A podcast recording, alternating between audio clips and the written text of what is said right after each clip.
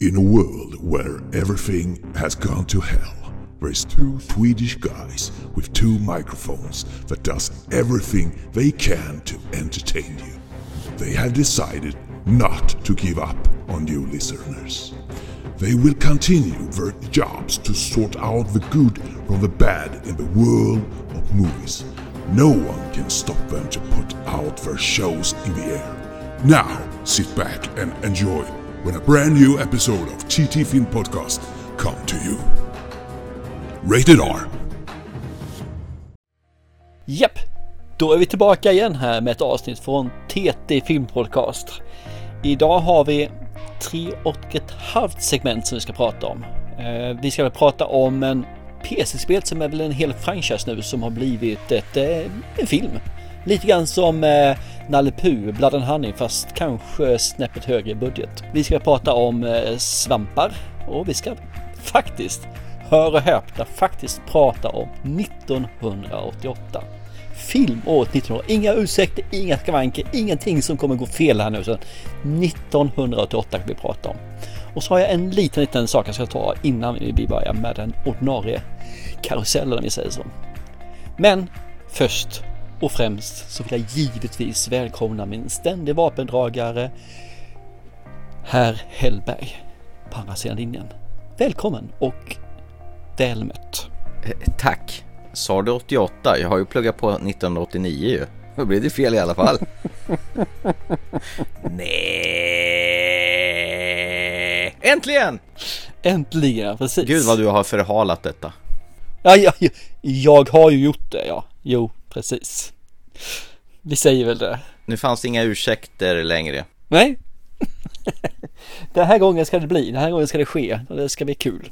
Eh, spännande. Jag vill se om vi har några överlapp eller om vi underlappar eller ja, vad vi tyckte om när vi snart lämnar 80-talet. Mm. Jag var ju tvungen att göra en liten habro där som sagt var på 88. Vi kommer till den då. Det får bli en liten eh, cliffhanger. Men, ja, Okej. Okay. Men du, jag skulle faktiskt vilja ta upp en serie som jag har sprungit på här. Jag tror den har nämnts även i flödet, i våra, vad heter det, Facebookflöden eller liknande. Men, ja, ja, The Fall of the House of Usher, trevligt. Nästan. Utan det jag tänkte prata om är Bodies. At 6 a.m. on the 10th of September, a man was murdered on Long Harvest Lane. There's not one hit on any database. No DNA on record, no prints. No bullet casings were discovered on the scene, and no exit wound either. It's impossible. The murder is out there. D.I. Hillinghead, 1890. D.S. Whiteman, 1941. There's been three murders on Long Harvest Lane, decades apart. The bodies are all identical. Pulling down a rabbit hole.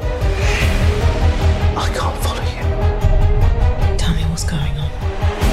body is from the past, present, and future.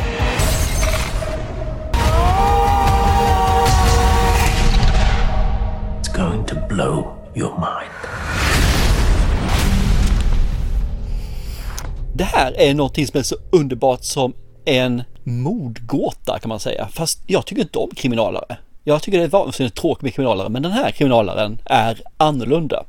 För det utspelar sig i fyra stycken tidsepoker. Det är en tidsepok som är 1890. Det är en tidsepok som är 1941 har jag för mig. En tidsepok som är 19, nej, 2023 och så har vi den sista tidsepoken som är 2053. Och det som är gemensamt på de här tidsepokerna är att ett lik dyker upp.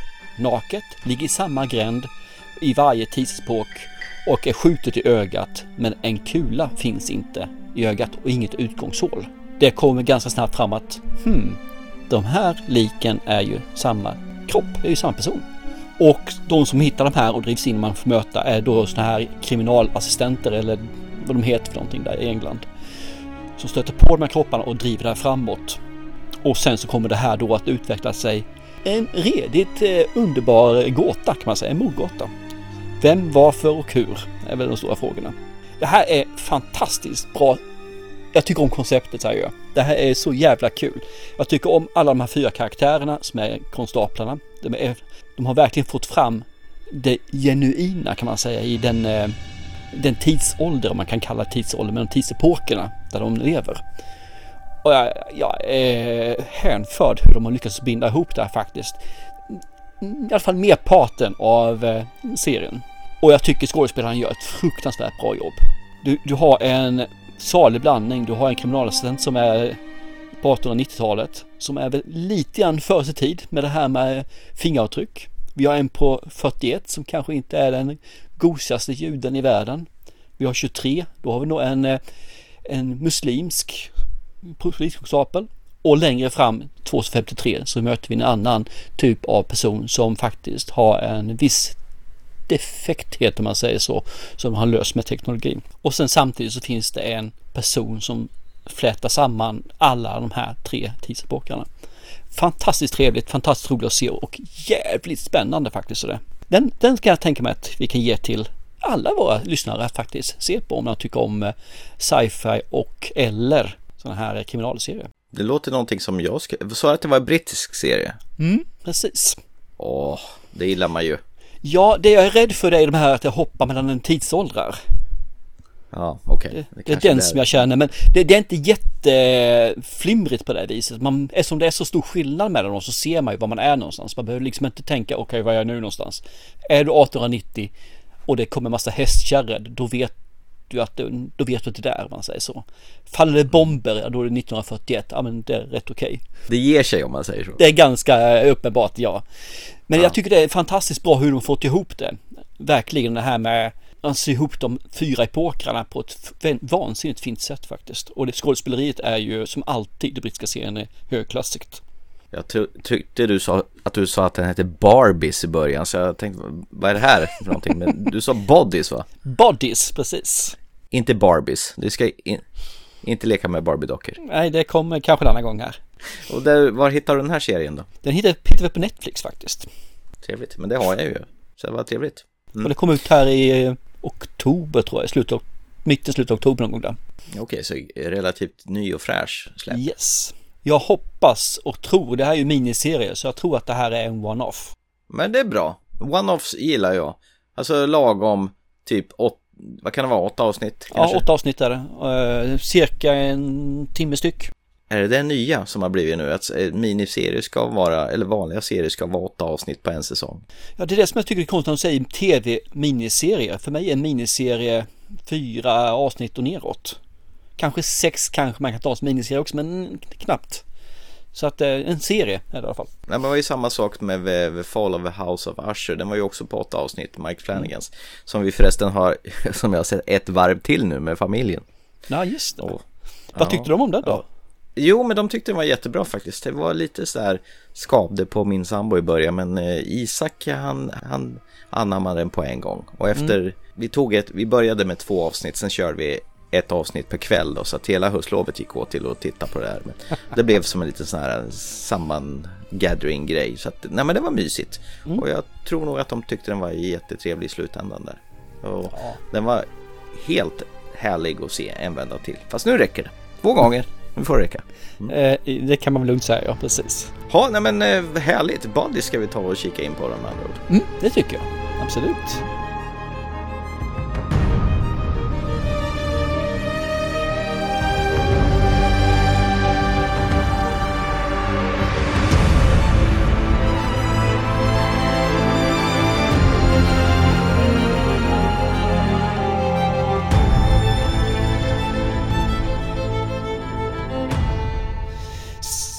Ska vi gå in i the main event? Trevligt. Eh, ja. Hi, Five Nights I was just calling to see at if that Freddy's. that you offered was still available. Yes. The security guard. I will take anything. This place was huge in the 80s with the kids. They shut it down years ago. The owner's just not ready to let it go yet. I will work and you will sleep. I understand. Just keep your eyes on the monitor. Welcome to Freddy Fazbear's, where fantasy and fun come to life. Okay.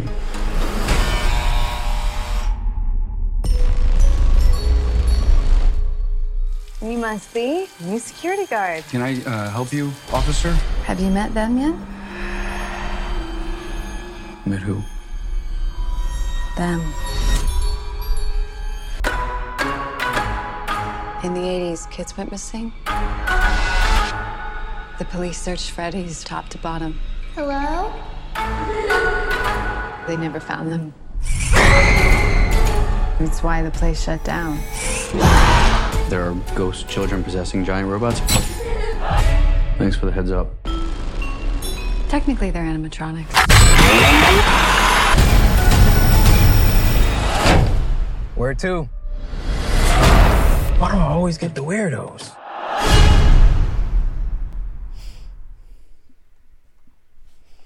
Ja, det är flera tv-spel, äh, äh, det är PC-spel egentligen. Jag tror det finns en fem eller sex Från. PC-världen vad jag förstår.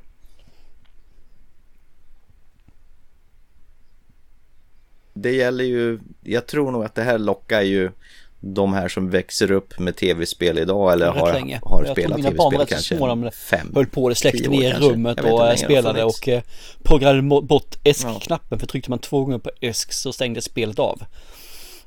En gång tror jag det pausade, två gånger stängdes av. Och eh, min lille son han eh, var visst rätt så Aha, lättskrämd så de fick ta bort ESC-knappen för han stängde av spelet Ja. hela tiden. Jag,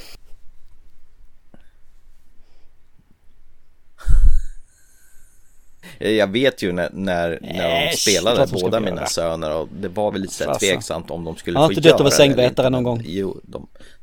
Nej. Ja, det är klart de skulle göra det. Ja, det är klart. Lillesonen ville ju se den här och han har ju, tror jag, tjatat ungefär Han har varit pepp på den filmen i nästan ett år Från och med att han visste att det skulle bli en film där och jag lovar väl honom att Jajamän, vi går väl på biopremiären Alltså det här var ju faktiskt lite märkligt. Jag är ganska van att beställa biobiljetter numera. Att man, man gör någon vecka i förväg och, och, när, när biljetterna släpps. Men det var ju huggsexa på dem. Det var ju liksom knappt att jag fick tag i några biljetter. Första visningen den var fullsatt. Andra då var den som gick runt vid eh, 20.30, det var den vi fick tag i. Då fanns det några, jag lyckas faktiskt få i mitt i mitten och det var fan knappt. Och så gick det en visning till som också var fullsatt. Så det här måste ju vara en riktig dr- dragplåster till fansen vad jag förstod. Sen när vi satte oss där i salongen så insåg jag att ja, det var jag och så var det en hel salong med tonåringar. Och sen var någon enstaka mamma som hade säkert blivit tvingad av, av sin son att följa med som ja, förskänke. Filmen är ju från 15 år men numera får ju 11-åringar gå med sina målsmän på filmer som är 15 år. Det handlar om Mike. Han bor ensam med sin syster, lilla syster Abby. Eh, han ligger efter med hyran och han är på väg att bli vräkt. Eh, lilla systern hon är dessutom på väg att försvinna till Mikes faster som vill ha vårdnaden av Abby. Fastern hon gör allting för att sabba för Mike. Föräldrarna är ju borta ur bilden för länge sedan så det är därför han bor ensam med lilla syran då. Eh, Mike han har svårt att behålla sina jobb på grund av att han alltid blir osams med sina chefer och han får en sista chans. Han går till någon slags, vad ska man säga, arbetsförmedlingen, någon, någon förmedlare där som, som har gett honom chanser förut och, men till sist så menar han på att okej, okay, du får en chans till. Du får ett nattjobb om du kan tänka dig jobba nätter på en nedlagd familjepizzeria som heter Freddy's Fazbear's pizzeria. Och det enda han ska göra det är att vakta det här stället och se till att ingen kommer in. Mike, han tar sömnpiller för att bearbeta ett trauma som han var med om när han var på picknick med då sina föräldrar och lillebrorsan. Och vid ett obevakat ögonblick då blir lillebrorsan kidnappad och Mike kan bara se hjälplöst när brodern sitter i baksätet och bilen försvinner. Och det är ett sånt där minne som plågar honom varenda eviga natt. Men väl på den här nya arbetsplatsen då, som han jobbar på som någon slags väktare där, så upptäcker han att det finns några slags robotdockor som lurar i skuggorna. Vad är det för någonting? Och så verkar de där dockorna ha ett intresse för Mikes lilla syster Abby. Mm. Ja, det är grundstoryn. Jag brukar ju bli långrandig som fan, men det här var alltså grundstoryn i filmen. Jag, jag, tänker så här, som vuxen utan koppling till spelen, då har jag faktiskt lite svårt att förstå tjusningen med det här. Jag hörde ju jättemycket jubel i salongen när vissa personer dyker upp. Och när den här Freddy-dockan med, med anhang dyker upp. Jag kan ju, jag gissar ju att de som är fans till spelen ändå kanske blir grymt besvikna för man har tagit sig stora eh, Jag har frihet. förstått det lite grann där, för jag pratade med Oliver, han är ju, var ju stort fan av det här, Eh, min son då. Och han sa att den trailern var ju inte alls lik spelet. Det var ju ingen likhet alls mer än just kanske de här figurerna då. Det var bara det jag tänkte säga. Okej. Personligen så tycker jag liksom att filmen går sjukt långsamt framåt och historien är så dum. Och manuset, det känns som det är skrivet av en femåring. Alltså jag tänkte när jag gick på den här, jajamän, nu ska vi få en riktigt sån här klafsig splatterfest. Men det man får det är någon seg, billig soppa. Det är signerad Blumhouse och Universal. Det är inget otäckt. Det är liksom, finns inget klägg att tala om. Och jag tycker de, de här dockorna som ska vara skrämmande, man underanvänder dem ganska mycket. De, de får vara med rätt lite i filmen. Men å andra sidan, vad ska man göra, göra med de här otympliga animatronics-dockorna? Eh, grejen är att det är ju Jim Hensons, det ska de ha cred för. Eh, det är Jim Hensons, det här Muppet Studios, som har gjort Mupparna som har gjort det här. Så det är inget CGI att tala om, utan de har ju verkligen gjort sådana här animatronics-dockor som ser porträttlikt ut vad de här Freddy och nu kan inte jag namnen på de här olika kaninen och räven och, eller vargen eller kycklingen eller vad, eller vad fan det nu är. Vad de heter men de, är, de ser ut som de ska göra i alla fall och rör sig som de ska göra. Jag var ju faktiskt mest inte, det blev ju applåder när filmen var slut så att eh, målgruppen som satt i salongen var nog rätt nöjda i alla fall. Vi lämnade bion och då, då frågade jag sonen vad han tyckte. Det första han sa Nej. att det var skitdåligt ljud i salongen. Eh, alltså det var ingen bra ljudmix. Det var så att han tyckte att ljudet bara kom framifrån. Så det var väl det han hängde sig upp på. Fan, jag är ganska stolt att han har blivit ljudofil han också. Och han tyckte att det var bara fanservice. Och han tyckte filmen kändes konstig. Han var ganska rejält besviken. Sen satt ju ett gäng ungar på raden bakom. Ryska ungar som satt och de satt och pladdrat. Till slut så fick jag vända mig om och, och säga till på skarpen. Och vad gjorde jag det här? Ställde fram ett finger framför att peka på allihopa och bad dem hålla tyst. Så att de förstod att nu skulle de hålla tyst och det gjorde de faktiskt. Men det var också en sån här grej som störde. Det roligaste med den här filmen, det var väl när vi, när vi gick in på bion och vi skulle handla popcorn och grejer så gick det massa ungar och nynna på en sång som tydligen fungerar i spelet. Det är tydligen från, jag var tvungen att googla upp för jag kände igen den och då visade det sig att det är från någon opera. Do, do, do. Do, do, mador, någonting sånt där. Den har de tydligen snott till den där. Jo, det är Figaro. Och den har de tydligen implementerat i Five Nights at Freddy's. Och det gick det en massa ungar och sjöng på innan filmen börjar. Och de hade såna här Freddy-dräkter Mm, okej, på sig.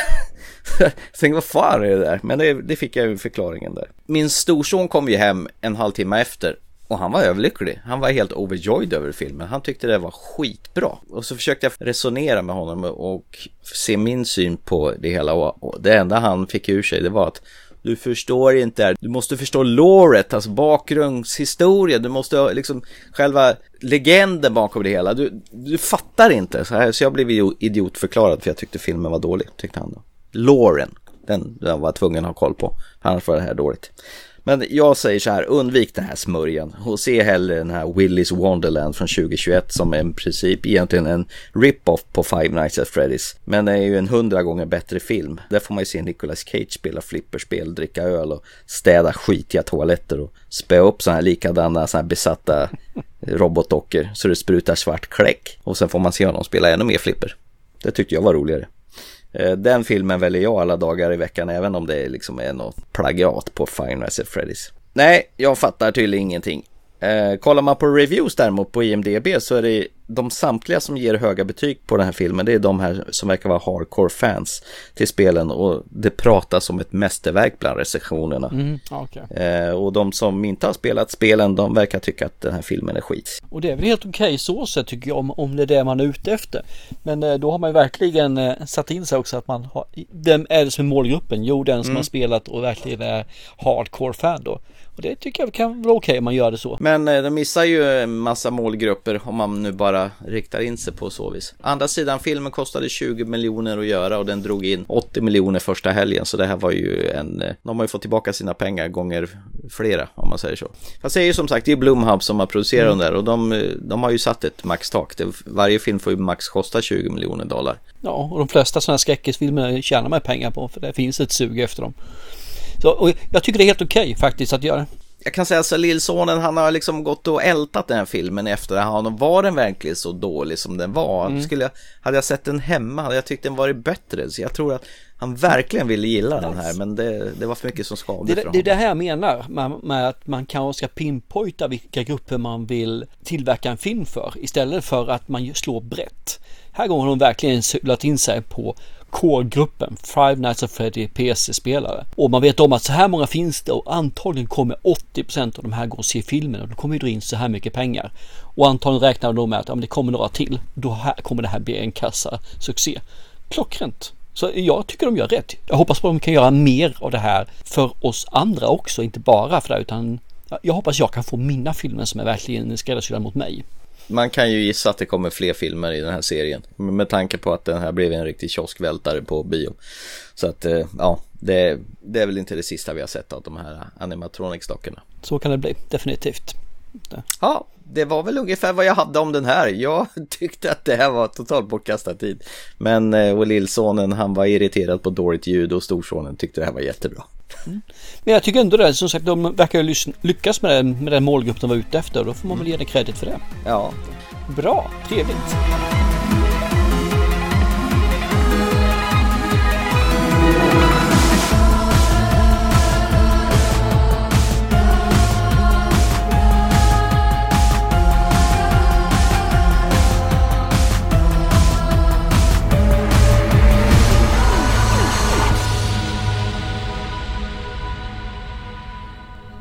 Ska vi hoppa vidare till nästa film tänkte jag säga som är inom, ja, det, det finns egentligen bara två typer av film nu känns det som. Det är AI och så handlar det om eh, svampar.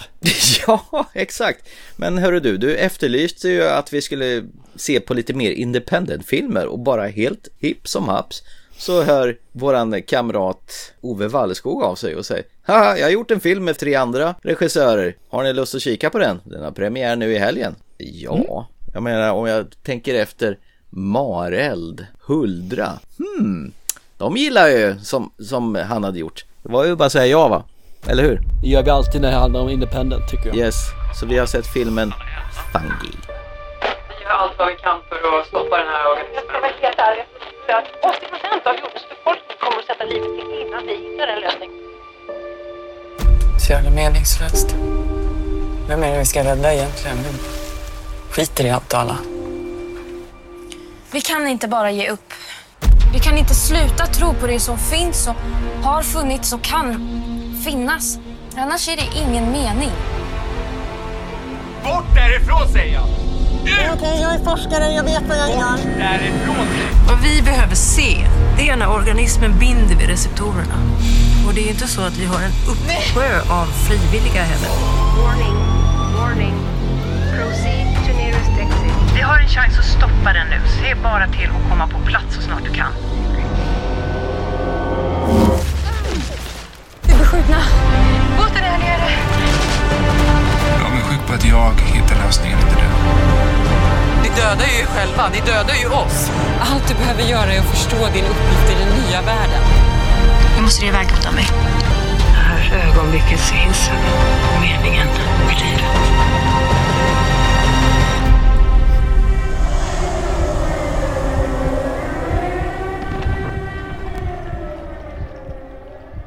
Fungi, det är ju en postapokalyptisk film en värld där en, ett svampvirus hotar hela mänskligheten. Och vi får följa en grupp överlevare med ett par forskare i spetsen. Du har Vera som spelas av Lottie Johansson och så har du Kim, Annika Liljeblad som vi gillar skitmycket, spelar den andra forskaren Kim där. Och de försöker hitta ett botemedel Eh, för den här svampen som håller på sprider sådana här sporer över världen vilket gör att det tar livet av folk.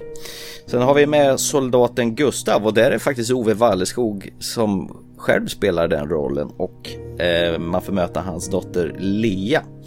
Eh, Estrid Gustafsson Fjällheim och så får man även stifta bekantskapen med prickskytten Jehan och sen har vi Dan som spelas av Daniel Epstein som är med i gruppen också. Deras bunker som de finns i, den har eh, blivit kontaminerad, eh, vilket gör att det läcker in i deras ventilationssystem så att det inte är säkert att vara inne där, så de måste lämna bunkern och ta sig vidare till en annan. Men på vägen genom vildmarken så stöter de på ett gäng beväpnade män som tvingar dem med sig. De har hittat ett sätt som temporärt skyddar dem mot den här svampen, men det är väldigt temporärt. Eh, det är väl ungefär där vi landar någonstans, tänker jag, i filmen ja, Fungi. Det och plus kändes som vi fick där. Överlevnad i svensk postapokalyptisk film signerad Sofia Brattwall, Björn Engström, Lotte Johansson och Ove Walleskog. Jaha, vad säger vi om det här då? Svensk independentfilm som osar lite Velasta fast. Det var väl det första jag tänkte på när jag såg introsekvensen eh, när texten kom där det far runt sådana här eh, sporer som var misstänkt lik laddningsscenen i Velasta-fast-spelen. ja, okej. Okay. Jag tycker inte man kan säga att det är egentligen det, för det är ju så. Ska vi ha någonting, det här med svamp är ju någonting som har vattnat svampsporer, bla bla bla. Det har ju varit länge. Mm. Vi har den här Girth All Gifts i samma sak. Mm. Hela köret, så ska man eh, ta den mot, oh, bara mot en där så tycker jag det känns lite eh, lite fel faktiskt. Men jag förstår din liknelse säger jag där. Men det finns ju många andra man kan ta här. I så fall I am legend skulle man ta in det också. Med tanke på att de håller på att försöka hitta den här lösningen på gåtan. Och det finns ju massa andra också där. Men eh, jag tycker om det att faktiskt att det är en svensk postapokalyptisk film. Jag tycker det är rätt trevligt. Jag har lite bekymmer i början faktiskt med skådespeleriet för den, eh, det, det är lite rackigt känner jag. Det blir bättre sen längre upp. Det verkar som att de blir lite varma i kläderna så de kan mycket väl ha gjort den här filmen i kronologisk ordning faktiskt. För det känns som att de kommer in mer i karaktären, i rollen och får lite mer eh, man ska säga, kött på benen, hur de ska agera och hur de ska skådespela. Så att det tycker jag, men det, det är en liten, eh, lite rackig start på den. Men jag tycker den, den växer sen längre fram. Eh, jag tycker om det här med att de har ju blandat det här med att dagens teknologi med lite, lite, lite framtid. Det här med att hon styr en drönare till exempel med handskar och sådana fall och kör det inomhus. Stabilt mm. som attan. Det tyckte jag är rätt så trevligt. Med tanke på att en drönare kör mot GPS, mot satelliter och kör GPS på det viset. Men eh, Detaljer. små saker. Ja, jo, men alltså det, det, jag säger, det finns lite framtid där som sagt mm. var. Så mm. jag tycker om det sättet faktiskt. Samtidigt som det är gritty och du har det här eh, vanliga tekn teknologin som finns här hos oss idag. Det här är ju ingen film som jag känner man blir överraskad på något vis. Eh, den är ganska eh, inramad i den här stereotypa som finns. Eh, det som finns är väl några av karaktärerna som sticker ut lite grann och det finns väl även just som du nämnde här tidigare då, att det finns en, en temporär lösning på hur man ska kunna undvika att bli smittad av det. Det är ju lite intressant där hur man kanske belyser problemet att det finns en temporär lösning men man vill ju gärna ha en lösning som löser problemen. Alltså man ställer det där i en varsin vågskål. Då har den här gruppen människorna som nöjer sig med det där. Äh, vi har det ju bra här, inga problem. Kontra där att man ska försöka göra en, ett botemedel som... Men så tycker jag det känns alltid i alla sådana här filmer så det känns inte så nyskapande det heller. Det, det jag brukar titta när man ser independent-filmer är just nyskapande, så man får se en annan twist på det. Eller att det är, man vet om att det här är en person som gör sin regidebut. Eller det tredje, att det verkligen gjort med, eller fjärde, finns finns flera stycken, men tredje att det gjort med väldigt små medel. Mm. Och den fjärde då som jag tittar nog mest på är, är det gjort med hjärta. För det, det är det här som ska lysa igenom. Tyvärr så tycker jag nog att hjärtat inte riktigt finns med här. Jag tycker de har gjort lite för stereotypa skådespelare. Vi har den här en gubbe som har väldigt mycket snabba rörelser och ryckig i sitt rörelsemönster. Man får stereotyp där och sen samtidigt så tog man, binder man inte upp så man lär känna karaktären. De är bara en, en han har bara tics. Och, så här. och jag känner att man missar lite grann i uppbyggnaden. Den är 1,40, nej 1,30 lång var den. Ja, 1,28 för till och med. Då tycker jag att då kanske man kunde lagt på 10 minuter till och så har man byggt upp karaktärerna lite mer så man får lite mer kött på benen. Nu känns det som en lite snabbspolning tyvärr alltså. Och det tycker jag är lite synd för jag tycker storyn är härlig. Och jag tycker att man, eh, man kunde ha gjort någonting av det här men det hade behövts lite grann till av det här för att det skulle ha givit mig någonting att se på det. Nu blir det väldigt tamt och det blir väldigt platt. Tyvärr. Det är synd att jag behöver säga det, men så är det så jag känner. Dialogen framförallt, vad ska man säga, den känns lite konstruerad. Samtalen, de känns lite forcerade och replikerna känns lite märkliga och det blir knepigt på något vänster. Du har ju en person i det här elaka gänget som stirrar som en galning och beter sig allmänt knäppt. Det, där kan du ju snacka om en sån här stereotyp psykopat. Han skulle kunna vara hämtad från typ 70-talsfilmen The Warriors eller den här dåren som är förhandlare i Flykten från New York. När de ska förhandla om presidenten. Lite sånt. Eh, och jag vet inte tusan om det passar år 2023. Mer jobb med dialogen och mer med persongalleriet hade jag önskat. Att man lär känna karaktärerna och det är som du säger, det blir väldigt snabbspolat och rycket där. Annika Liljeblad är alltid trevlig att se. Jag gillar henne jättemycket. Hon spelar ju forskaren Kim och eh, sen gillar jag faktiskt Lotte Johansson, hon som spelar Vera och, och Kims forskarkollega.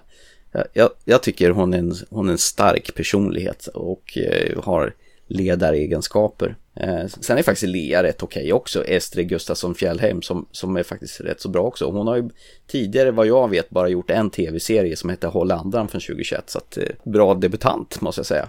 Man, vi har ju sett biljakter, båtjakter, motorcykeljakter men vi har aldrig sett drönarjakter när en drönare jagar en annan. Det var nytt för mig. Det, det, är faktiskt rätt kul. Fotot gillar jag, det är snyggt. Det är fina miljöer, det är mycket båtar, det är mycket vatten. Så, Eh, och actionscenerna är ju faktiskt rätt snygga. Och så gillar jag faktiskt musiken, scoret är rätt fint. Jag gillar det här temat som återkommer flera gånger i filmen. Som vi får dessutom höra en sångversion i slutet av filmen. The world is a gift. Och jag var tvungen att titta efter texterna. Då har faktiskt Ove varit med och petat i princip all musik som är gjord i den här filmen också. Så att, eh, mm, han har många strängar på sin lyra där. Ja, det är väl som du säger, man skulle vilja lära känna karaktärerna lite mer så man känner dem. Och ibland är scenerna, det går lite för snabbt och jag hänger faktiskt inte med. Jag känner mig lite disorienterad i vissa fall. Eh, och jag försökte verkligen sätta mig in och känna mig investerad i den här filmen Fungi. Jag hade faktiskt lite svårt att ta till mig den här. Man, man, ska i alla fall ge dem att de har gjort en snygg film med små medel. Den, den, ser jävligt lyxig ut, för jag vet ju att det är ju independent-filmer och de har ju inte hur mycket pengar som helst att röra sig med. En vansinnigt snygg produktion tycker jag, i vilket fall som helst det. Vi hoppas ju och tror att Ove Walleskog och kompani fortsätter och kör på. Ja, vi ser fram emot kommande projekt. Tuta och kör! Absolut, det tycker jag.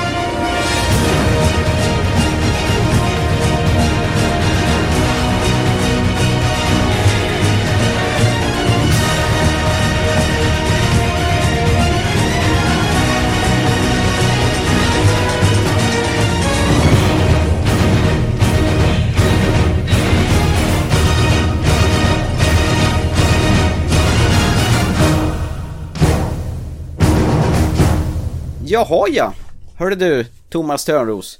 Med mycket omvägar, kringelkrokar så har vi då kommit dags till... Blast from the past. Filmerna från 1988. Stämmer, stämmer. Ja. Äntligen, äntligen. Nu är vi här! Nu hamnar, hur hamnar vi här till slut? Det är ju helt obegripligt. Och det, det här ska väl bli jättekul, som sagt var, att prata om. Mm. Jag tänkte vi, vi gör väl som vi brukar göra va? Jag har alltså glömt bort vad vi brukar göra så du får gärna remind me of it. De tio högst vinstgivande filmerna. Jaha, okej. Okay. Så jag ska gissa vilka filmer Jajamän. Gick bäst. Det är intressant att jag gör det här varje gång för dig och du har ingen koll på det någon gång så du inte läst på det heller. Det tycker jag är fascinerande. Du borde veta om att det kommer så här, men nu kör vi. Du ska ha fem stycken av de tio bästa. Ja men schysst. Tio stycken, det är ju fan helt jävla omöjligt att plocka ur. Ja men du ska ha fem av de tio. Det, but, uh, Who Framed Roger Rabbit? Robert Zemeckis film med, med den här... Uh... No, nummer två, perfekt. Oj, var den så högt? Mm -hmm. Ja, det måste ju, Die Hard måste ju ha varit med på den listan, annars är det konstigt. Jajamän, nummer tio. Oj, det var gränsboll där. Mm, precis. Eh, eh, vad sägs om eh, Beetlejuice då? Beetlejuice eh, är faktiskt inte med bland de tio bästa. Vilket jag också blev förvånad över nu. Jag fick läsa om en gång till. Nej, Beetlejuice är inte med. Nej. Eh, en fisk som heter Wanda. Perfekt, sjunde plats. Eh, nakna pistolen. Nej. Eh, eh, eh, eh, eh, eh, vad fan finns det mer då? Mhm. Eh, det är säkert den här Jesus-filmen, The Last Temptation of Christ, Martin Scorseses Nope. film. Nu får du missa två stycken till, sen är du faktiskt körd. Okej, kör. Rain Man då? Japp, nummer ett. Var den det årets alltså, mest inkomstbringande film? Jajamän, 354 eller 355 miljoner dollar. Åh jävlar, då har jag bara en chans till, sen är jag körd nu. Alltså. Nej, du har, du har två chanser till. Okej, eh, det- Tom Hanks-filmen, Big. Yes, nummer nio. Perfekt. Du har ju Coming to America som nummer tre. Jaha, okej. Den trodde jag faktiskt du skulle ta. Ja, Eddie Murphy-filmen ju förstås. Herregud. Japp. Ja, nej men det är bra gjort. Jättebra. Det får jag Tack. säga. Tack. Jag känner mig som en young guns. Oscarsnominerade, eller Oscarsfilmerna här. Du sa ju redan sagt Rain Man som sagt var, det blir ju bästa film. Mm. Men eh, vilken film vann för bäst regi? Vilken film är det som fick den? Kan det ha varit den där som jag sa, den här Jesus-filmen, där, The Last Temptation of Christ? Nej, det är Rain Man. Jaha, den, va? Jävlar, fick den Oscars? Jajamän. Jaha. Och då är frågan, Best Actor och vilken film? Dustin Hoffman, Rayman. Precis. Bra, vi fortsätter. Best Actress och vilken film? Eh, Best Actress. Du kan gissa på film om du bara vill det såklart. Ska vi fortsätta med Rain Man då? Nej, det är väl inga kvinnliga skådisar i den då? Eh, nej, nej, jag vet inte. Jag har ingen aning. Ja, det var en trick question. Jag tänkte du skulle säga Rain Man, men det är faktiskt The Accused med Judy Foster. Jaha, ja ja, när hon blir våldtagen och sen ska Kelly McGillis försvara henne. Och det är ingen Ja, jag har faktiskt inte sett den, sånt jag gjort. Nej men det har jag faktiskt gjort, den är ganska stark faktiskt. Det- Den är ett jobbigt ämne som aldrig blir inaktuellt där. Tyvärr är det ju så. Det är hemskt men sant. Sen tänkte jag bara göra en sak till innan vi går vidare och börjar prata om filmerna. Jag tycker det här är ju, för mig är det här mitt heroin liksom. Trivia. Och då är det debutanter för, som gjorde alltså sin debut 1988. Eh, Kommer du ihåg en sån här ganska lusig eh, skådespelare som heter Tim Allen? Eh, Ja, men herregud, Tim Allen, han var... Ja, det är ju han som gör den här, gjorde den, fan, tummen mitt i handen stuket. Ja, här, just det, han som hade den serien. Han är, han är en jävla jultomte i en massa filmer också. Ja, exakt. Mm. Han gjorde sin första här med Tropical Snow. Jag har inte Mhm. sett den, så jag vet inte. Vi har Steven Baldwin, ja, en av Baldwin-bröderna, som gjorde Homeboy. Och sen så har vi faktiskt Macaulay Culkin som gjorde sitt. Ensam hemma. Nej, Rocket Gibraltar. Jaha, så han har, gjort någonting, han har gjort någonting innan den där jäkla Ja, julfilmen. det visste inte jag heller faktiskt. Att, eh. Och så har vi ju våran favoritläte till eh, skådespelare. Och det är ju såklart Matt Damon. Matt Damon! Vad gjorde han då? Mystic Pizza gjorde han. Inte sett den heller. Milla Jovovich gör sin Mm. första film. Våran kära Milla i Resident Evil. Two Moon Junction heter den här filmen. Och så har vi en svensk skådespelare faktiskt som gör sin debut här också på eh, filmduken. Och det är Naomi Rapapas. Jaha. In the Shadow of the Raven. Har inte sett någon av de här filmerna hittills faktiskt. Nej men det är ju, det är ju, jaha, alltså isländska uppföljaren till, eh, vad heter det, Jaha, Korpen flyger. är det den? Ja. Korpen flyger, är uppföljaren till den? Tungur knifer. I Korpens skugga heter ju den. Jaha, Mm. okej, ja, den kommer inte jag ihåg faktiskt. Vad bra. Dunkurkniver, jajarkestur. Sen har vi våran favoritskådespelerska, en av dem i alla fall. Det är faktiskt Julia Roberts med Satisfaction. Och så har vi eh, actionkomedins clown, kan vi kalla han det? Steven Seagal med Above the Law.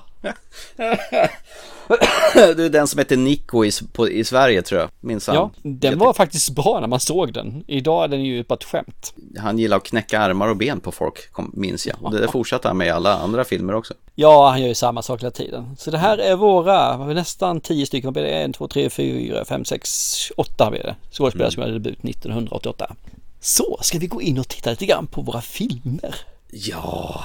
Ja, jag, jag vill bara börja med en film bara, för det här är ju min våta dröm när jag såg den här filmen mm, 88. Jag gick i gymnasiet, var ettan kanske, någon sån här saker.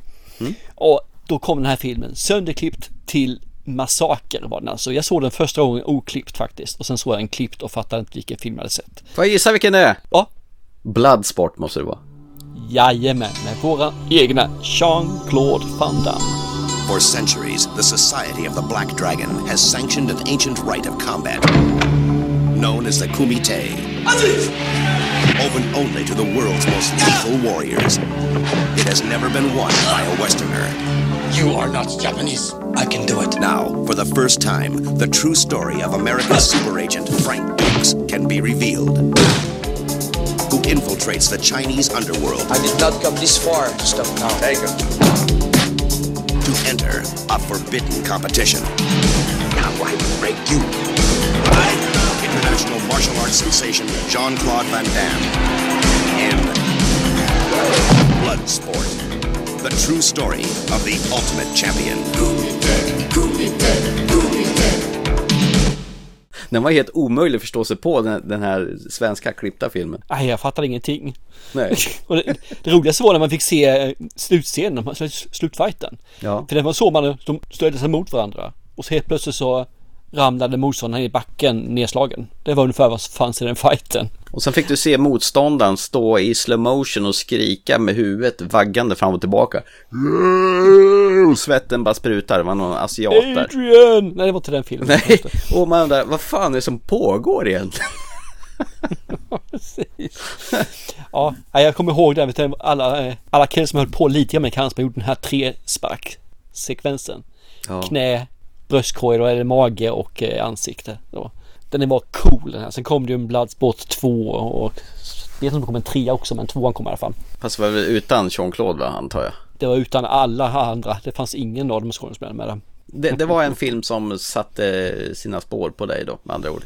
Oh ja, jag har inte sett om den på jättelänge och skulle se om den idag skulle jag nog tycka den var mer en komedi än en action. Förmodligen blir det som med Kommando kanske då. Det är en sån där film Ja, som väl bevarad på 80-talet så kanske ska stanna där. Ja, jag tror det faktiskt. Eh, jag måste ju lyfta fram Leslie Nielsens nakna pistolen. Det som var egentligen en tv-serie från början, Police Squad. Sen, sen, sen Mm. blev det Naked Gun. Där det Ja, men så mycket skämt per minut har man väl aldrig sett i en film tidigare va? Nej, den, där hade vi verkligen den här eh, crazy humorn. När den verkligen tog fart. ordentligt. Ja, de här Zuckerbröderna vad nu hette. Och alltid Det kom den väl in- tre stycken va? Eh, två och en halv och tre och en tredjedel. Ja, exakt.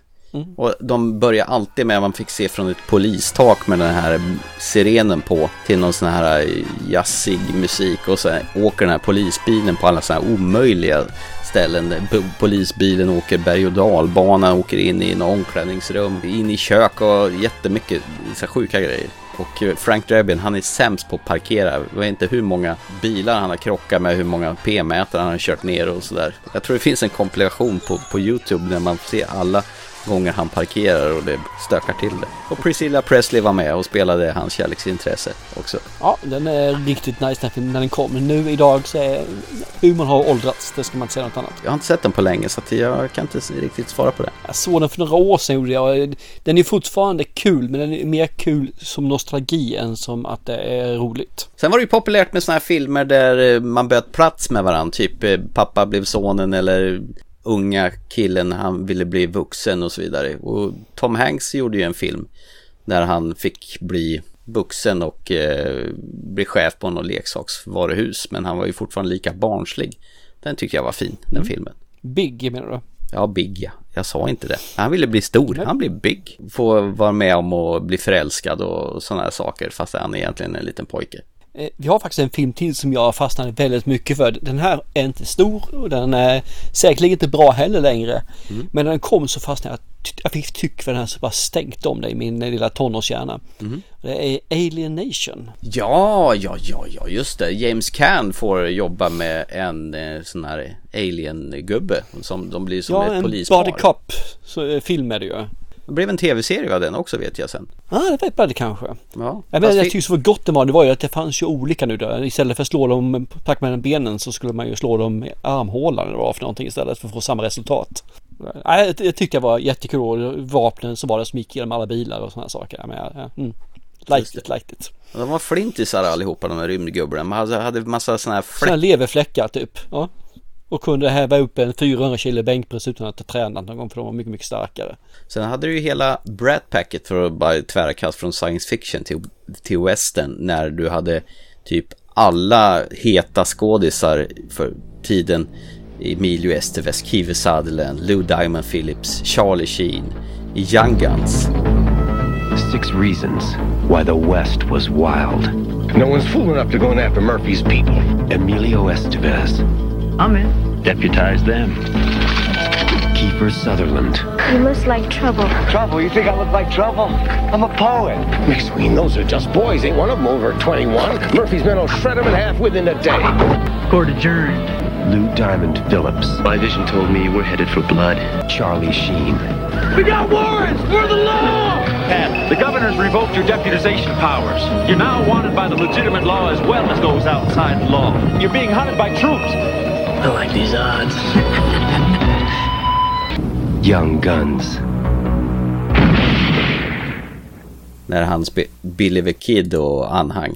Det var en sån här riktig som jag tyckte var svinbra. Jag var aldrig riktigt så här såld på westernfilmer. Men just Young Guns tyckte jag var riktigt härlig. Ja, det kom en tvåa med va? Jo, det gjorde det. Bon Jovi gjorde soundtracket och fick bli skjuten som tack för att han gjorde soundtracket i filmen alltså. I en cameo. Underbart. Vi har ju en film till som jag vill nämna också som också ska komma som en, en, en nyinspelning nu här. Jaha. Det är ju Beetlejuice. Är det en nyinspelning eller är det en uppföljare? För det är ju fortfarande, vad heter Michael Keaton som spelar Beetlejuice i den här.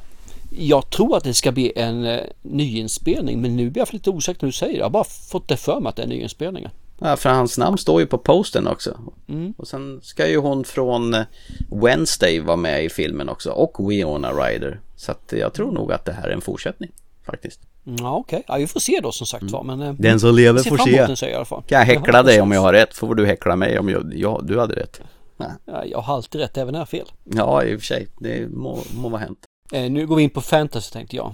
Och då vill jag prata om Willow. Just det. Med, med tanke på att det kom en serie som heter Willow nu, var det i år eller förra året den kom? Mm, som de la ner. Det är snabbt smaltat. Men Ja. här hade vi ju Val Kilmer med istället.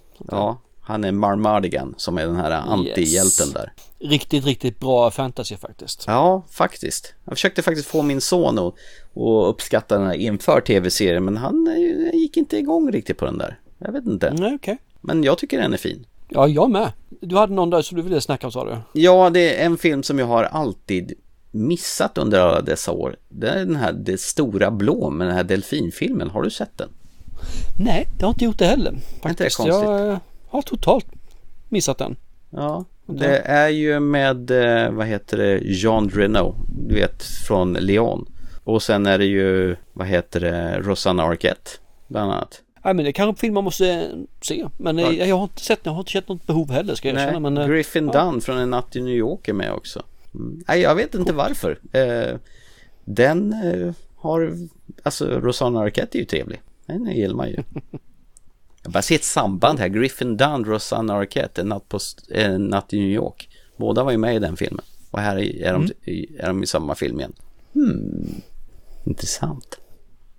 Intressant, okej. Ja.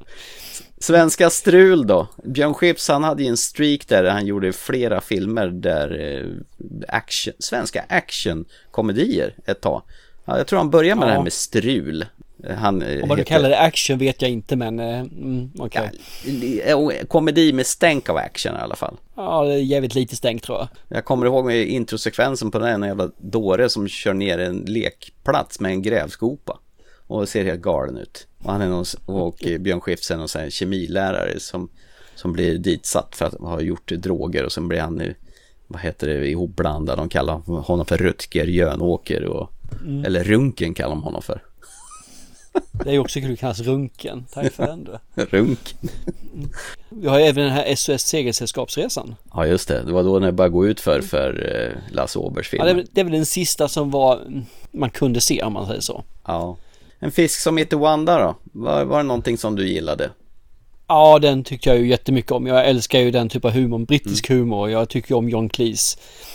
Så att det, det här fungerar jättebra. Och Jamie Lee Curtis gör ju en fruktansvärt bra roll där. Jag tycker om den när han ska förföra henne och prata ryska för hon går igång på ryska. What do you really want out of life, Wanda? I don't know. Why do I like you so much? Archie, Hmm? do you speak Italian? I am Italian. Sono italiano in spirito, ma ho sposato una donna che preferisce lavorare nel giardino a far l'amore appassionato un spaglio grande. But it's such an ugly language. How about Russian? Есть силу благодать не созвучий слов живу. Одну молитву чудную твержу я наизусть. Далеко. И верится, и плачется. И так легко. Archie, Yeah? Are you rich? No, no, I'm afraid not. What about the house? Oh, that's Wendy. She's the rich one. Och han står där och klär av sig och har de här fula jävla kläderna. Han, han är ju ful i han tyvärr får man säga. Och så kommer de an, in, andra hem då som har den här, ja, huset de är och ska umgås i. Just det. Jag tycker den är så jäkla bra. Ja. Och även det här med pommes fritesen i näsan som höll på att klippas bort i svensk eh, film faktiskt. Ja, det är ju så dumt. Jag tror John Cleese blev ju riktigt förbannad på det där. Man säger, okej, de har ingenting Han var emot mest att vi... konfunderad tror jag. Ja, att, vi, att de mosar, vad heter det, hundarna med kassaskåp och grejer, men de stoppar upp ett par pommes frites i näsan. Det, det gick inte. Det gick inte. Nej, precis. Det är farligt.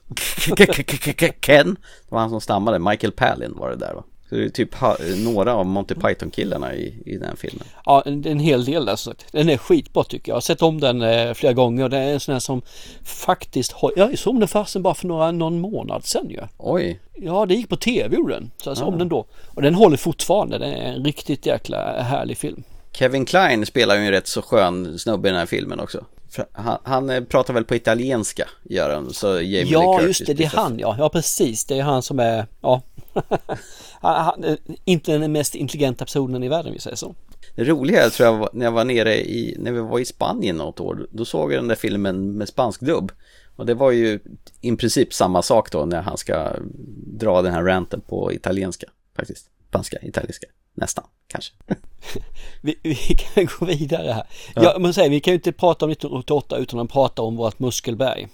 Vi har Mr Arnold Schwarzenegger i Red Heat där han är en rysk polis. Just det. Och med snacka om att eh, 44 Magnum är bara en liten fispistol. Den ryska pistolen är ju mycket större. En riktig kanon.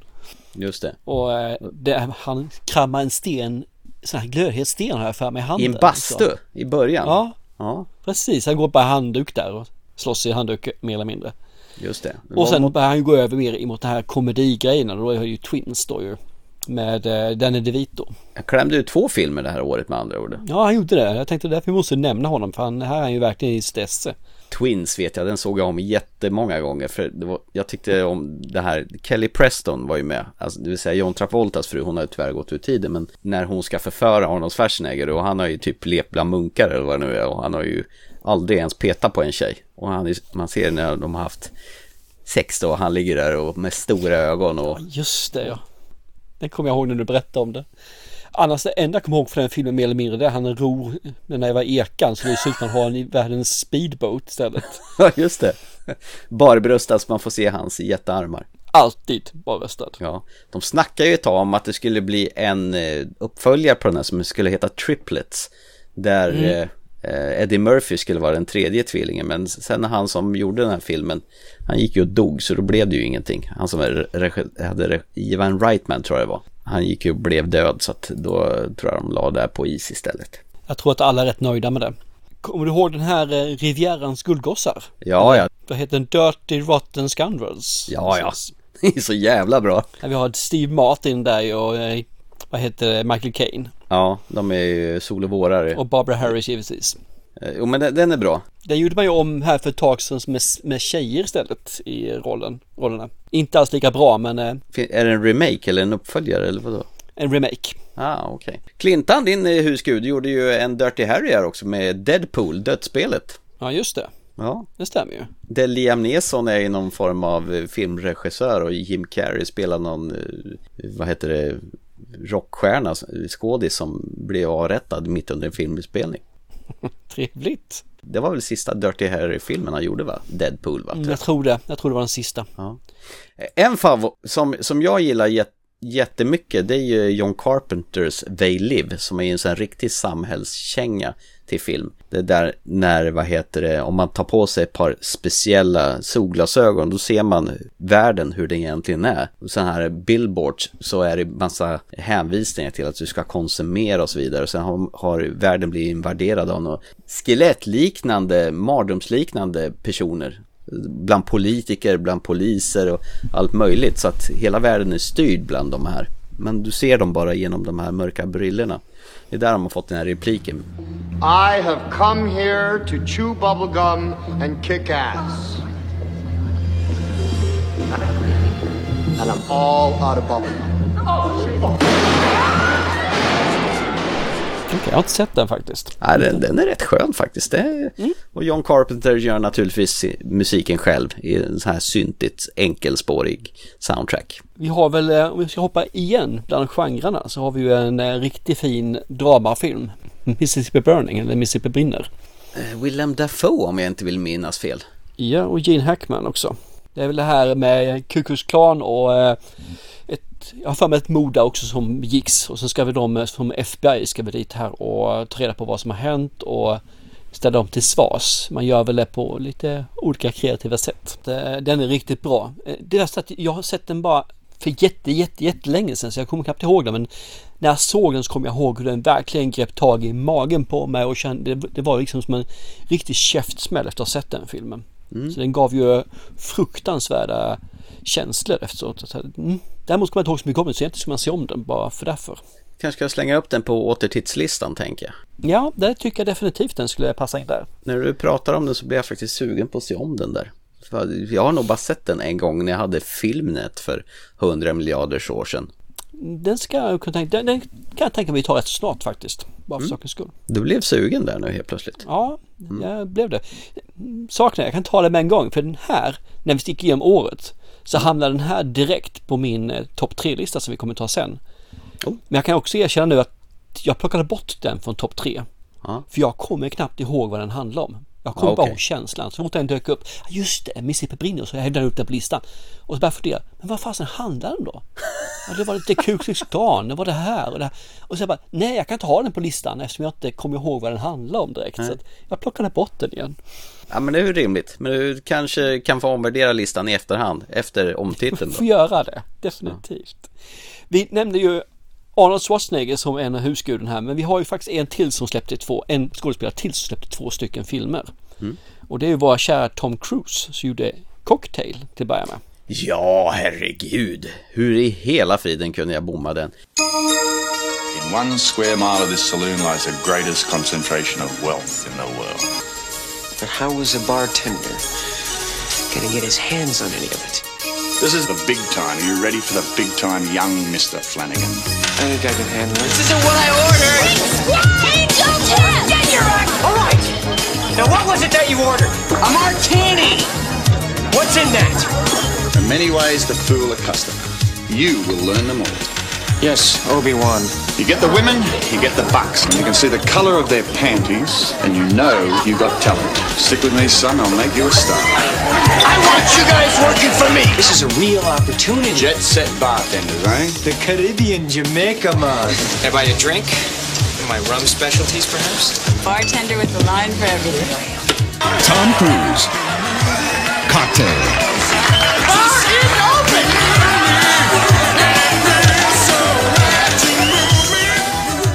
Elisabeth Shue spelar ju hans kärleksintresse där. Han spelar, vad heter det, Flanagan eller någonting. Han är ju alltid en sån där upcoming, väldigt så här, han är extra knäcker väl hos Brian Brown i hans bar för att eh, finansiera sina studier. Ja, och så ber han ju hans protégé om man säger så, för att han ska lära sig upp och Precis. lite lära sig hur man förför de rika tjejerna i baren och så här. Och den hade ju ett riktigt bra soundtrack kommer jag ihåg, bland annat den här Hippie Hippie Shake när de står vid bartendern och jonglerar med spritflaskorna.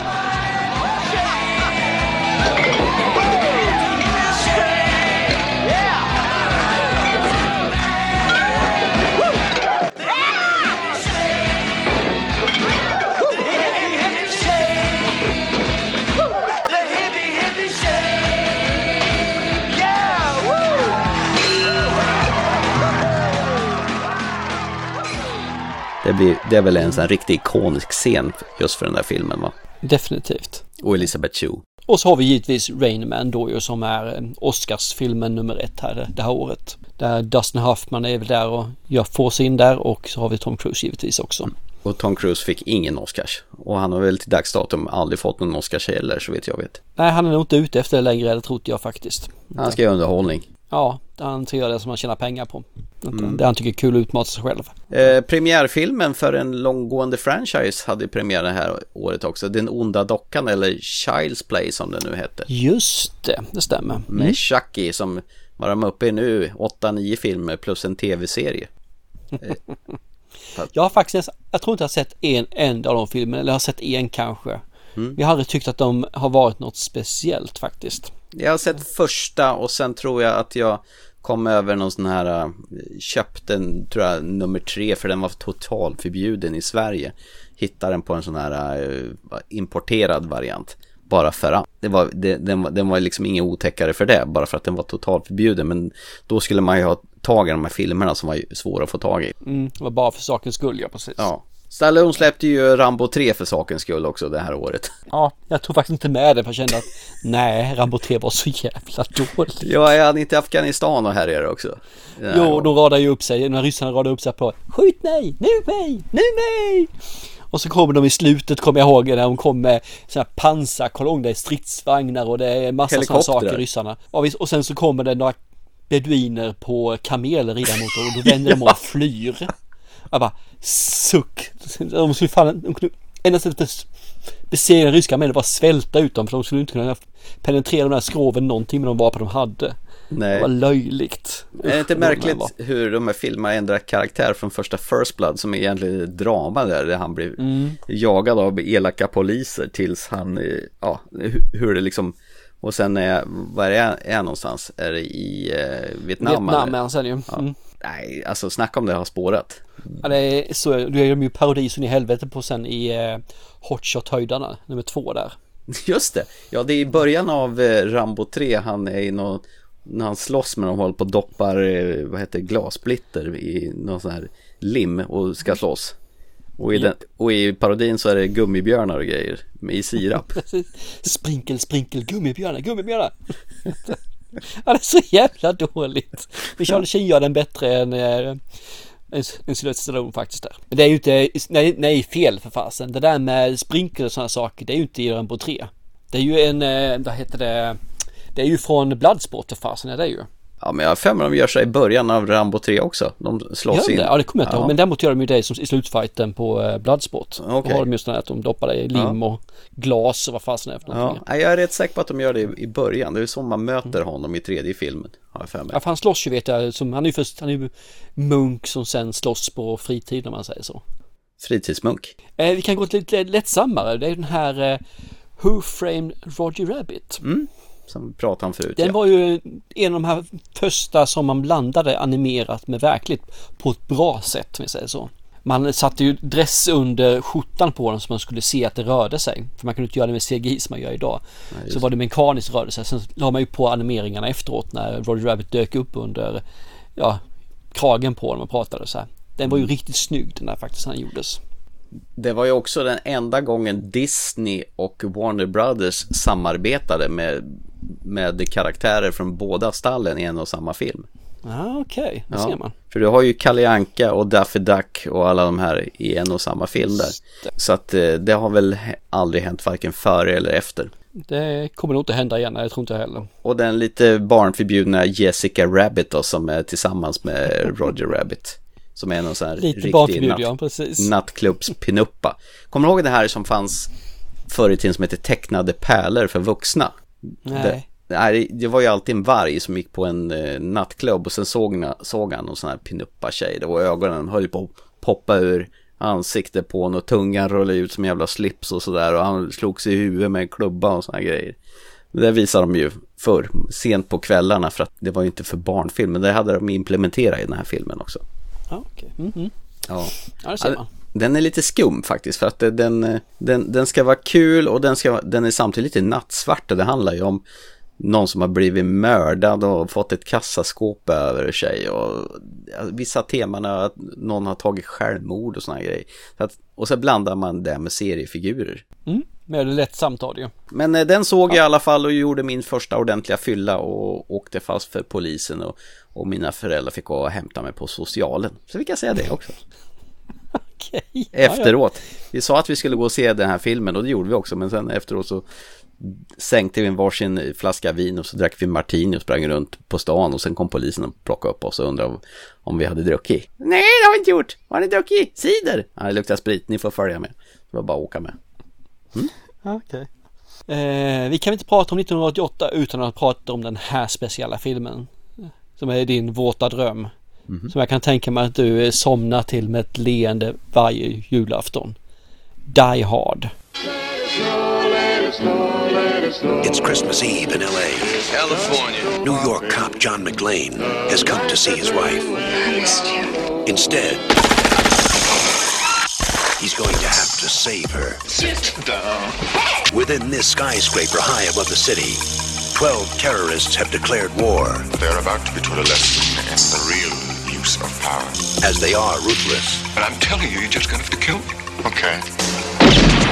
We do it the hard way. Now, the last thing McLean wants Think, damn it, think. is to be a hero. Where's Holly? Hey, Tucker! Where? They have already killed one hostage. This channel is reserved for emergency calls only. Lady, do I sound like I'm ordering a pizza? Bruce Willis. Die Hard. Got invited to the Christmas party by mistake. Who knew?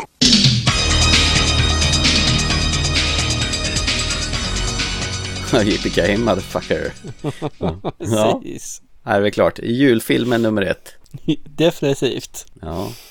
Det är väl den här och, och eh, Gremlins som ligger högst tycker jag på julfilmerna. Ja, Gremlins. Ja. Åh, Gremlins var faktiskt länge sedan jag såg. Nu skulle jag vilja se om. Mm. Vad Ja, hände trängs med den där på, påtänkta trean som de har tjatat så länge om? Kommer det ens? Den ligger fortfarande, den kom, skulle komma det här året men troligtvis gör den inte det med från strejken så det kommer nog nästa år. Ja, okej. Den- Men, Ja. men den, den ligger fortfarande vad jag ser som 2023. Ja, Men jag det- tror inte på det. Det tror jag ju inte för jag, vad jag fattar så har de ju inte ens påbörjat filmen. Nej, okej. Mm. Men eh, den välkomnas. Gremlins är roliga. Gremlins är jättebra, både ettan och tvåan är skitbra. Ja. att, eh, Det finns faktiskt en animerad eh, Gremlins-serie på HBO om man är, har abstinens. Aha, Som okej. heter någonting The Secret of a Mogwai eller nå- någonting sånt där. Som gräver lite i mytologin om Mogwaien, var de kommer ifrån och sådär. Okej, det är jag inte så intresserad av faktiskt, jag erkänna. Jag vill inte vill bara se elaka Gremlisar som, eh, Ja, det, det är det som gäller tycker jag. som gör stan Definitivt. osäker. Ska vi eh, hoppa in, eller har du mer filmer? Annars så är jag lite redo på att hoppa in på vår trelista. Nej, jag tycker nog att vi har väl eh, nämnt de som är värda att prata om så att eh, shoot, jag tycker vi kör med våran topp tre-lista. Ska vi börja från nerifrån och gå uppåt? Det låter väl som en väldigt bra och eh, logisk väg framåt. Men vad trevligt, då kör vi på det tycker jag. Då kan vi väl börja med min trea då. Ja, börja med din trea. Eh, den här är ju egentligen man kan säga att det är inkörsporten men det var ju den här som man tittade på det. Man blandade ihop verkligen komedi, lite skräck och lite crazy samtidigt. Det här är ju givetvis Beetlejuice för mig. Adam and Barbara are Ghosts. What's the good of being a ghost if you can't frighten people away? their house is being haunted by the living, Maybe the house could use a little remodeling. And they can't scare them into leaving. They're dead. It's a little late to be neurotic. So they're calling on Beetlejuice, Beetlejuice, Beetlejuice, Beetlejuice! who's no ordinary ghost. Yeah, you don't want his help. Can you be scary? What do you think of this? Now, the party's over, You want somebody out of the house? I want to get somebody out here. but the fun has just begun. It's showtime. Learn to throw your voice, fool your friends, fun and party. Not bad.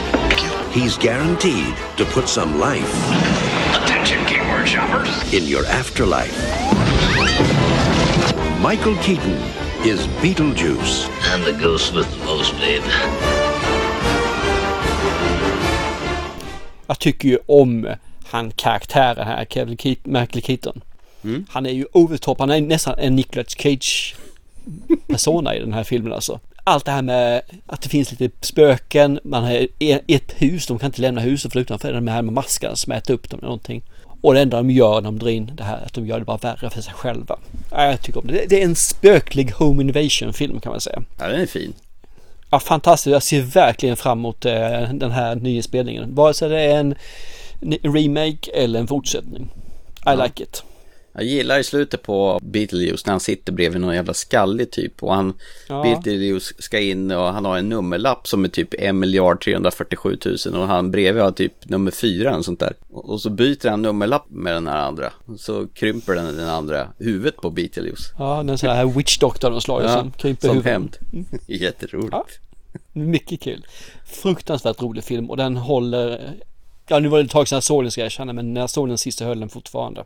Det är Tim Burton som har gjort den där. Det, det, för mig det både ser ut och andas Tim Burton. Den här gotiska stilen som han alltid har. Det roliga är ju att vi var ju i Mexiko här för fyra, fem år sedan. Mm.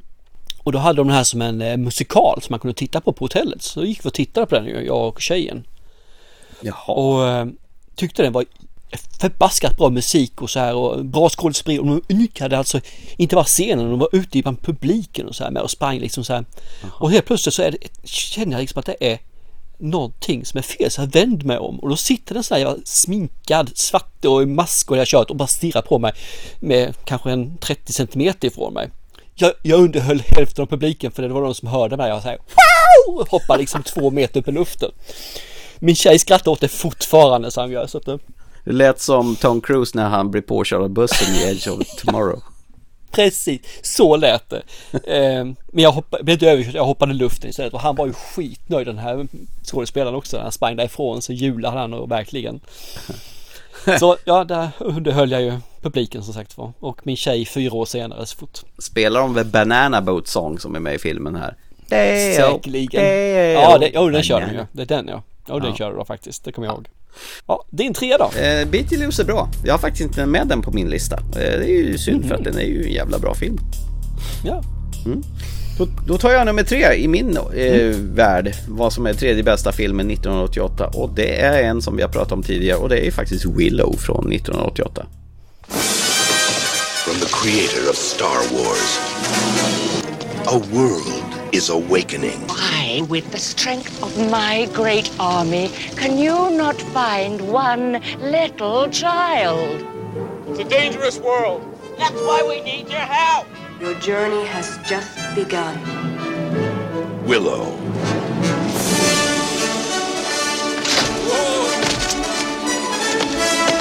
Heroes come in all sizes. But adventure doesn't come any bigger than this. We are not afraid of you. After them!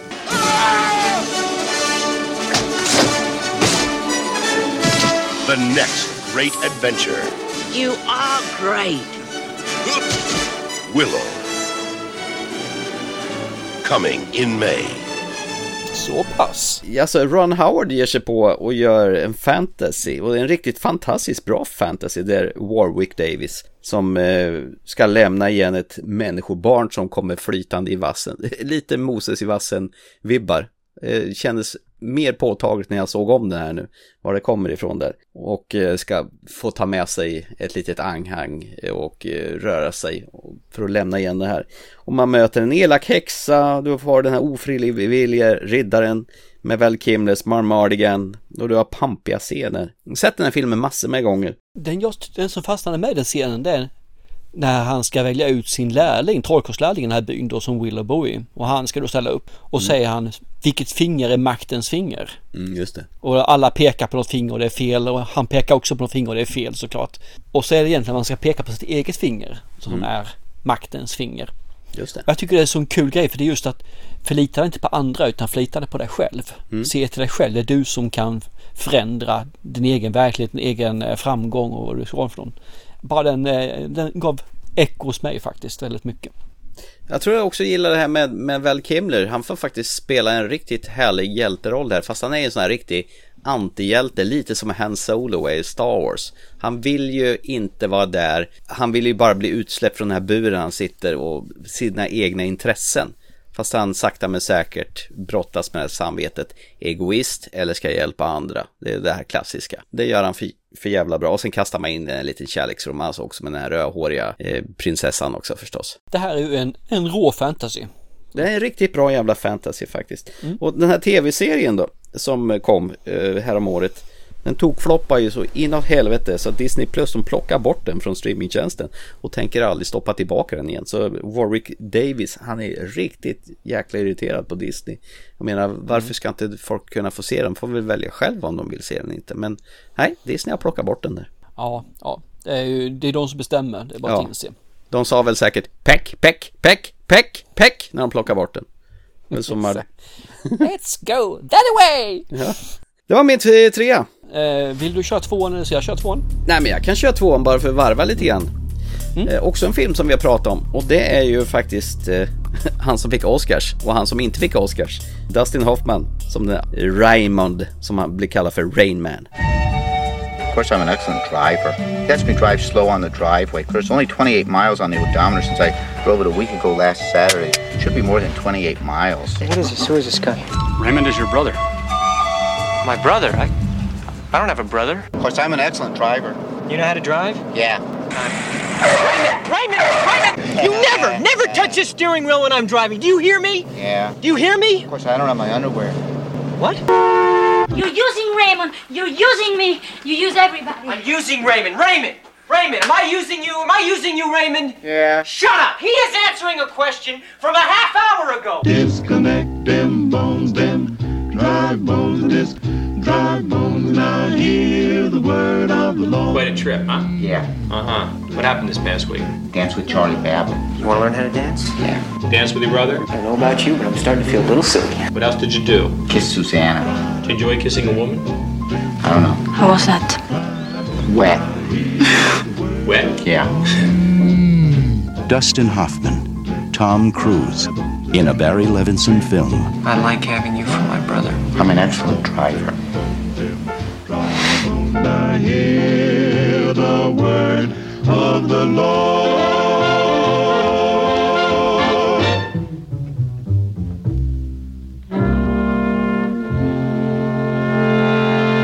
Det är också en sån här grej, där Tom Cruise är ju den här hänsynslösa brorsan till att börja med. Som bara vill utnyttja brorsan för sin egen vinning då när han inser att han är sju jäkla bra på att räkna. Tänker att vi drar till Vegas och räknar kort. Eh, och sen har ju dessutom filmen ett riktigt jävla bra soundtrack med massa fina panflöjter.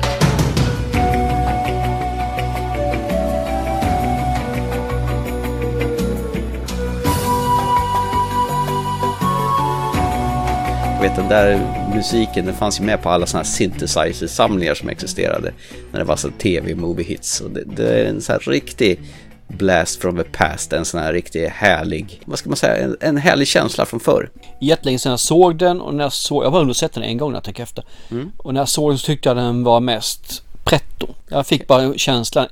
Hade jag sett den idag, eller hade jag satt ord på den idag så hade jag nog sagt att det här är bara en Oscars, få en Oscar. Man gjorde de här filmerna enbart för därför.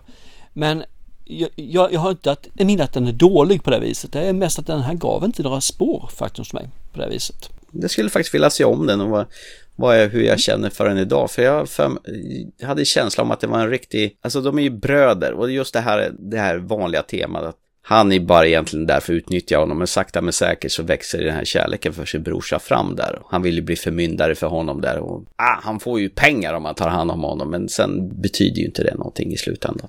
Mm, mm. Så härligt och fint så. Nam, nam. Jag ska väl eh, ta din etta nu tänkte jag. Jaha. Eller jag menar, jag tar min tvåa, förlåt.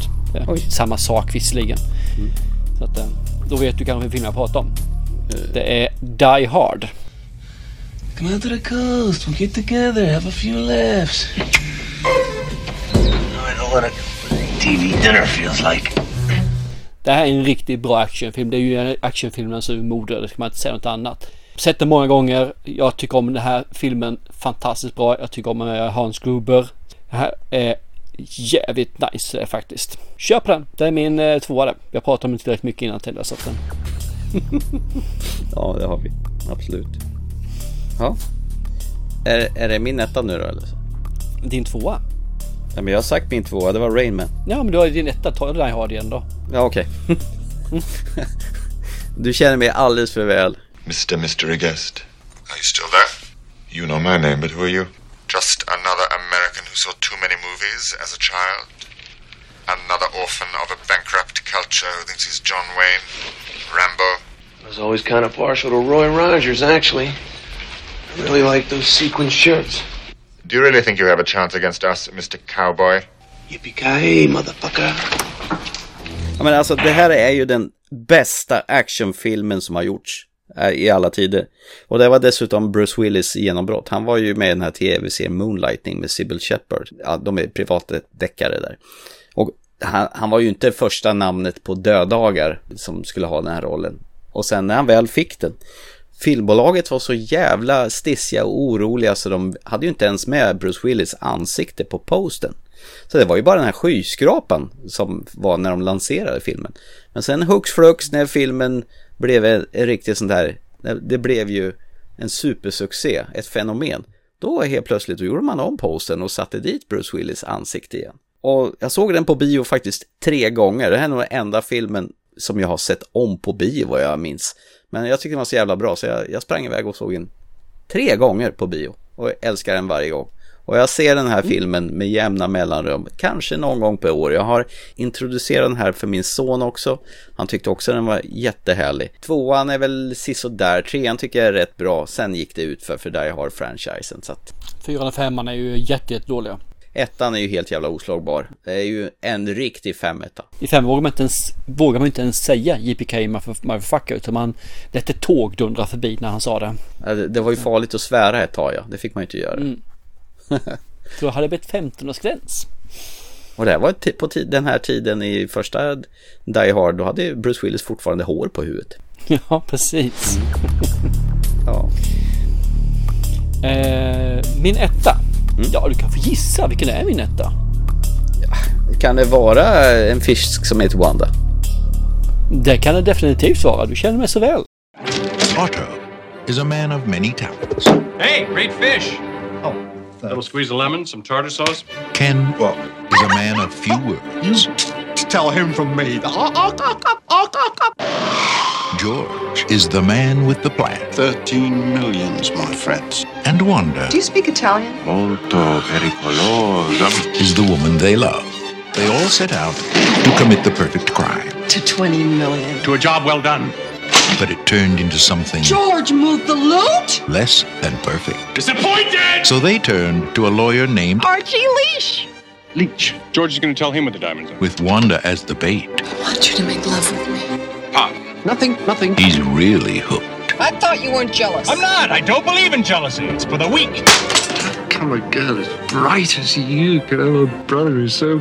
Are you totally deranged? Good friends, old chap.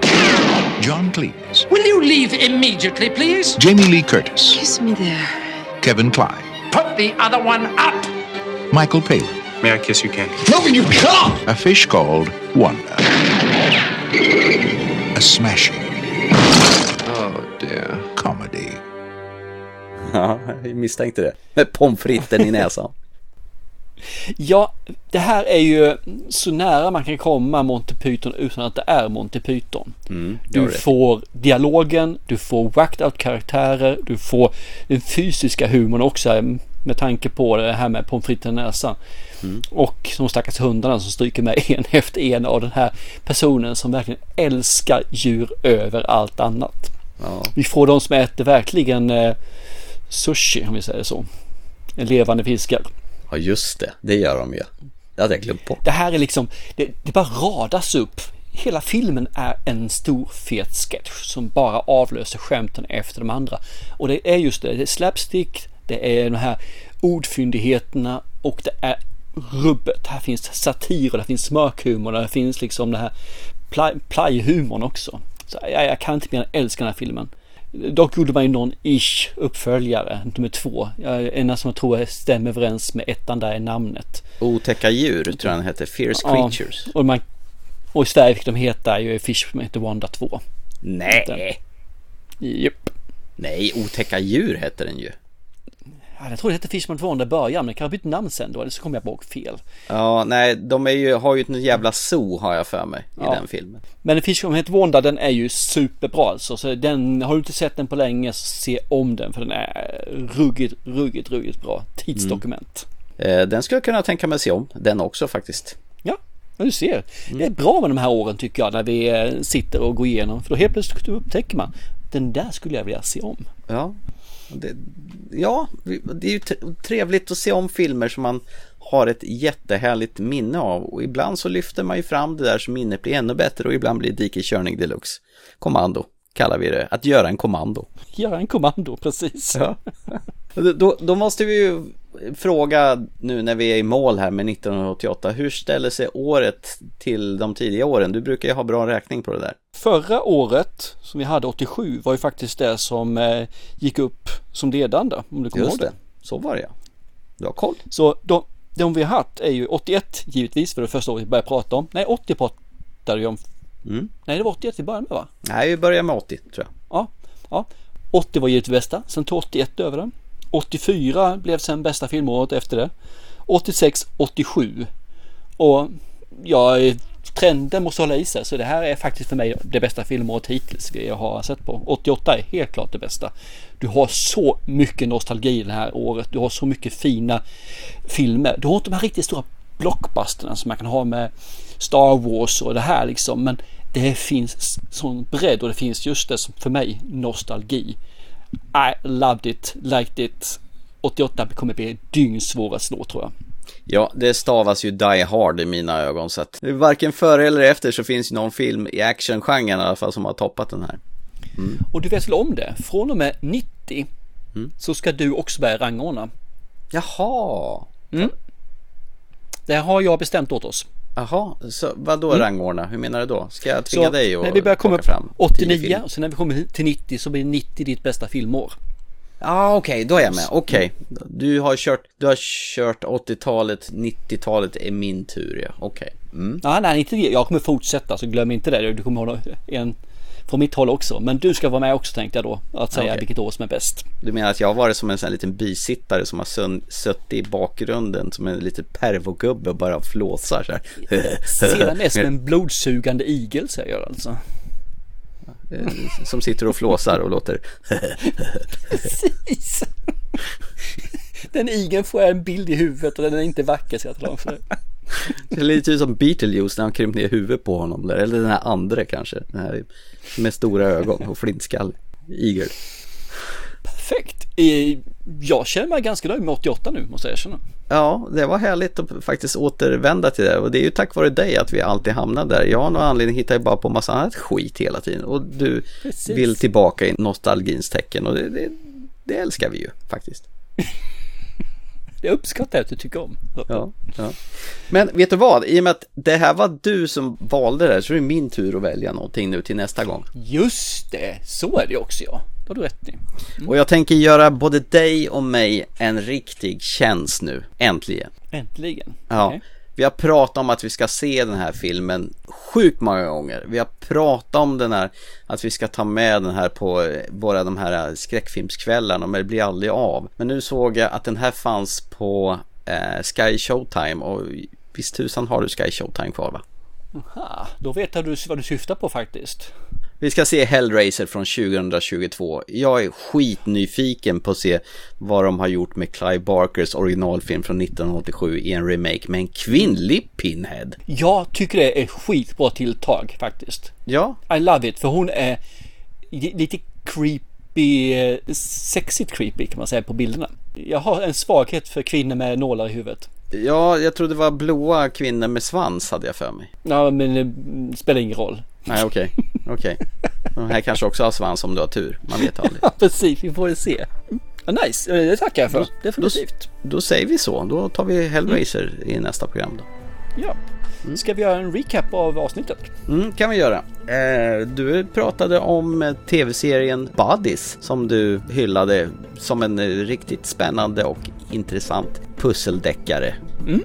Eh, jag har pratat om Five Nights at Freddy's som jag totalsågade men eh, hälften av mina söner tyckte den var skitbra i alla fall. Och vi har pratat om independent-filmen Fungi som hade vissa fördelar, brast lite i dialogen men eh, independent-film är alltid trevlig att se. Och så återbesökte vi Blast from the Past med året 1988 och valde fram våra topp tre filmer från det året. Det var väl det. Ja, plus att 88 faktiskt blev då bästa filmåret genom tiderna räknat från 90 och framåt. Och det är inte kattskit. Det är det definitivt inte. Så, det var det. Om inte du har någonting mer att tillägga så röstar jag på att vi avslutar podden för ikväll. Då tycker jag vi gör det, absolut. Och ni andra, ni ser två, tre eller fyra filmer så hörs vi om ett par veckor igen. Det gör vi. Chip chip! Hej på er!